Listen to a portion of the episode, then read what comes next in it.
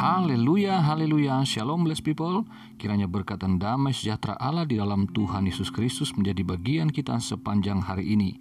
Jumpa lagi dengan saya Pendeta Theodorus dalam Renungan Kristen. Hari ini kita akan membahas tentang Allah yang kasih setianya menggendong dan memikul umatnya. Firman Tuhan terambil dari kitab Nabi Yesaya pasal 46 ayat 3 dan 4. Begini firman Tuhan, Dengarkanlah aku hai kaum keturunan Yakub, hai semua orang yang masih tinggal dari keturunan Israel, hai orang-orang yang kudukung sejak dari kandungan, hai orang-orang yang kujunjung sejak dari rahim, sampai masa tuamu aku tetap dia, dan sampai masa putih rambutmu aku menggendong kamu. Aku telah melakukannya dan mau menanggung kamu terus. Aku mau memikul kamu dan menyelamatkan kamu. Bless people, ini adalah nubuatan dari Nabi Yesaya untuk mengingatkan kepada sisa-sisa orang Israel yang tertinggal di Babel bahwa sebentar lagi mereka akan mengalami pembebasan. Karena di sini Tuhan sedang memproses apa yang sebetulnya bagi Tuhan sudah selesai, tetapi tentu pada pihak Israel itu masih sedang berlangsung untuk menuju pada penggenapannya yaitu bebasnya mereka dari penghukuman di Babel. Saudara yang terkasih dalam Tuhan, dikatakan di sini bahwa Tuhan menghukum Israel tentu karena ada penyebabnya. Apa yang mereka lakukan sebelumnya adalah satu hal yang sangat menyakitkan hati Allah, sehingga mereka pun harus menerima penghukuman yang sangat menyakitkan, yaitu ditawan di Babel selama 70 tahun. Dan sebentar lagi akan tiba masanya. Tetapi sebelum Tuhan membebaskan secara fisik apa yang dialami oleh orang Israel ini, sesungguhnya telah terjadi tentunya pembebasan secara spiritual.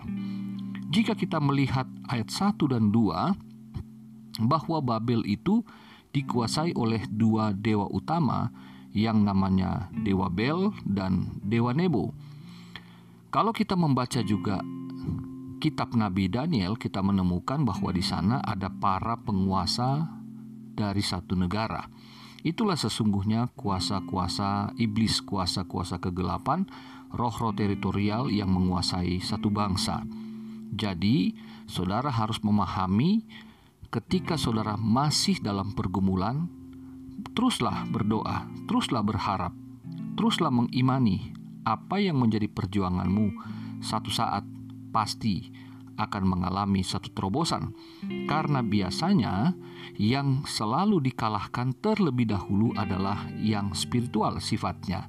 Sebelum terjadi sesuatu yang jasmani atau yang kasat mata. Nah, demikian juga yang terjadi dengan bangsa Israel di Babel Tuhan lebih dahulu mengalahkan dewa-dewa yang berkuasa atas bangsa Babel yang tentu menjadi kekuatan bagi bangsa itu untuk berkuasa. Pada saat itu Babel adalah negara adidaya. Selalu Tuhan mengalahkan para penguasa di udara sehingga terjadi pembebasan yang ada di bumi.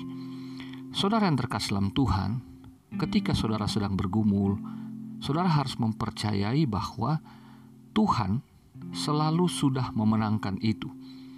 Tetapi kita yang terikat dengan waktu tentu masih harus menunggu sampai saatnya tiba bagi kita. Dari dimensi Allah itu sudah selesai, tetapi bagi kita itu belum. Jadi, jangan putus asa ya kalau saudara masih bergumul pada hari-hari ini. Sebab, ya tiga, Tuhan berkata, "Dengarkanlah aku, hai kaum keturunan Yakub."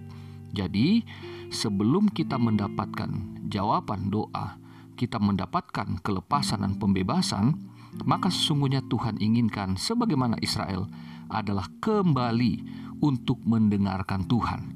Karena akibat-akibat buruk yang dialami oleh manusia, selalu dimulai karena ketidakdengar-dengaran kepada Tuhan.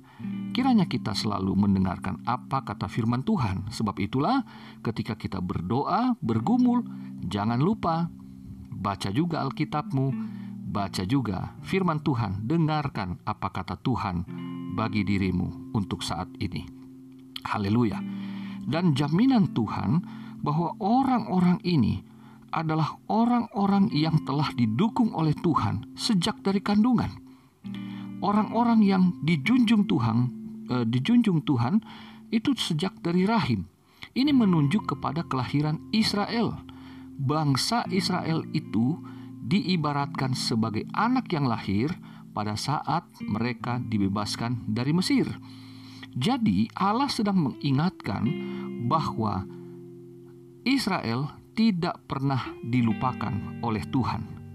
Israel selalu ada di hati dan pikiran Tuhan, dan Israel selalu akan dibela oleh Tuhan, tetapi pertobatan selalu yang mendahului sebelum terjadinya pembebasan. Nah, di ayat 4 dikatakan sejak eh, sampai masa tuamu aku tetap dia dan sampai masa putih rambutmu aku menggendong kamu. Di sini menunjukkan bahwa Israel ibarat bayi, anak-anak yang lahir kemudian menjadi orang yang tua. Ini melambangkan ketidakberdayaan. Tetapi Allah menunjukkan dirinya tidak pernah berubah kasih setianya. Ia yang telah melahirkan Israel menjadi bangsa yang hebat, ia juga yang akan terus mendukung meskipun Israel diibaratkan sebagai orang yang sudah tua.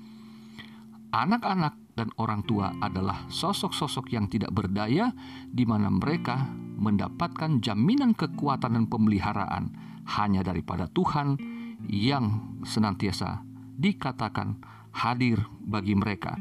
Karena aku telah melakukannya dan mau menanggung kamu terus, aku mau memikul kamu dan menyelamatkan kamu. Aku telah dan aku mau.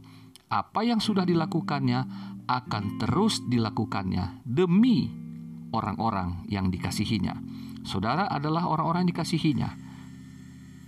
Jadi jangan khawatir karena Yesus yang tidak pernah berubah kasih setianya juga bagi kita dikatakan Ibrani pasal 13 ayat 8 Yesus Kristus tidak pernah berubah dahulu hari ini dan sampai selama-lamanya jangan pernah menyerah jangan pernah undur tetapi pastikan dirimu di hadapan Tuhan benar adanya kalau didapati tidak benar segeralah bertobat cari Tuhan sebab ia mau untuk mengampuni dan memulihkan bahkan menolongmu Selamat beraktivitas.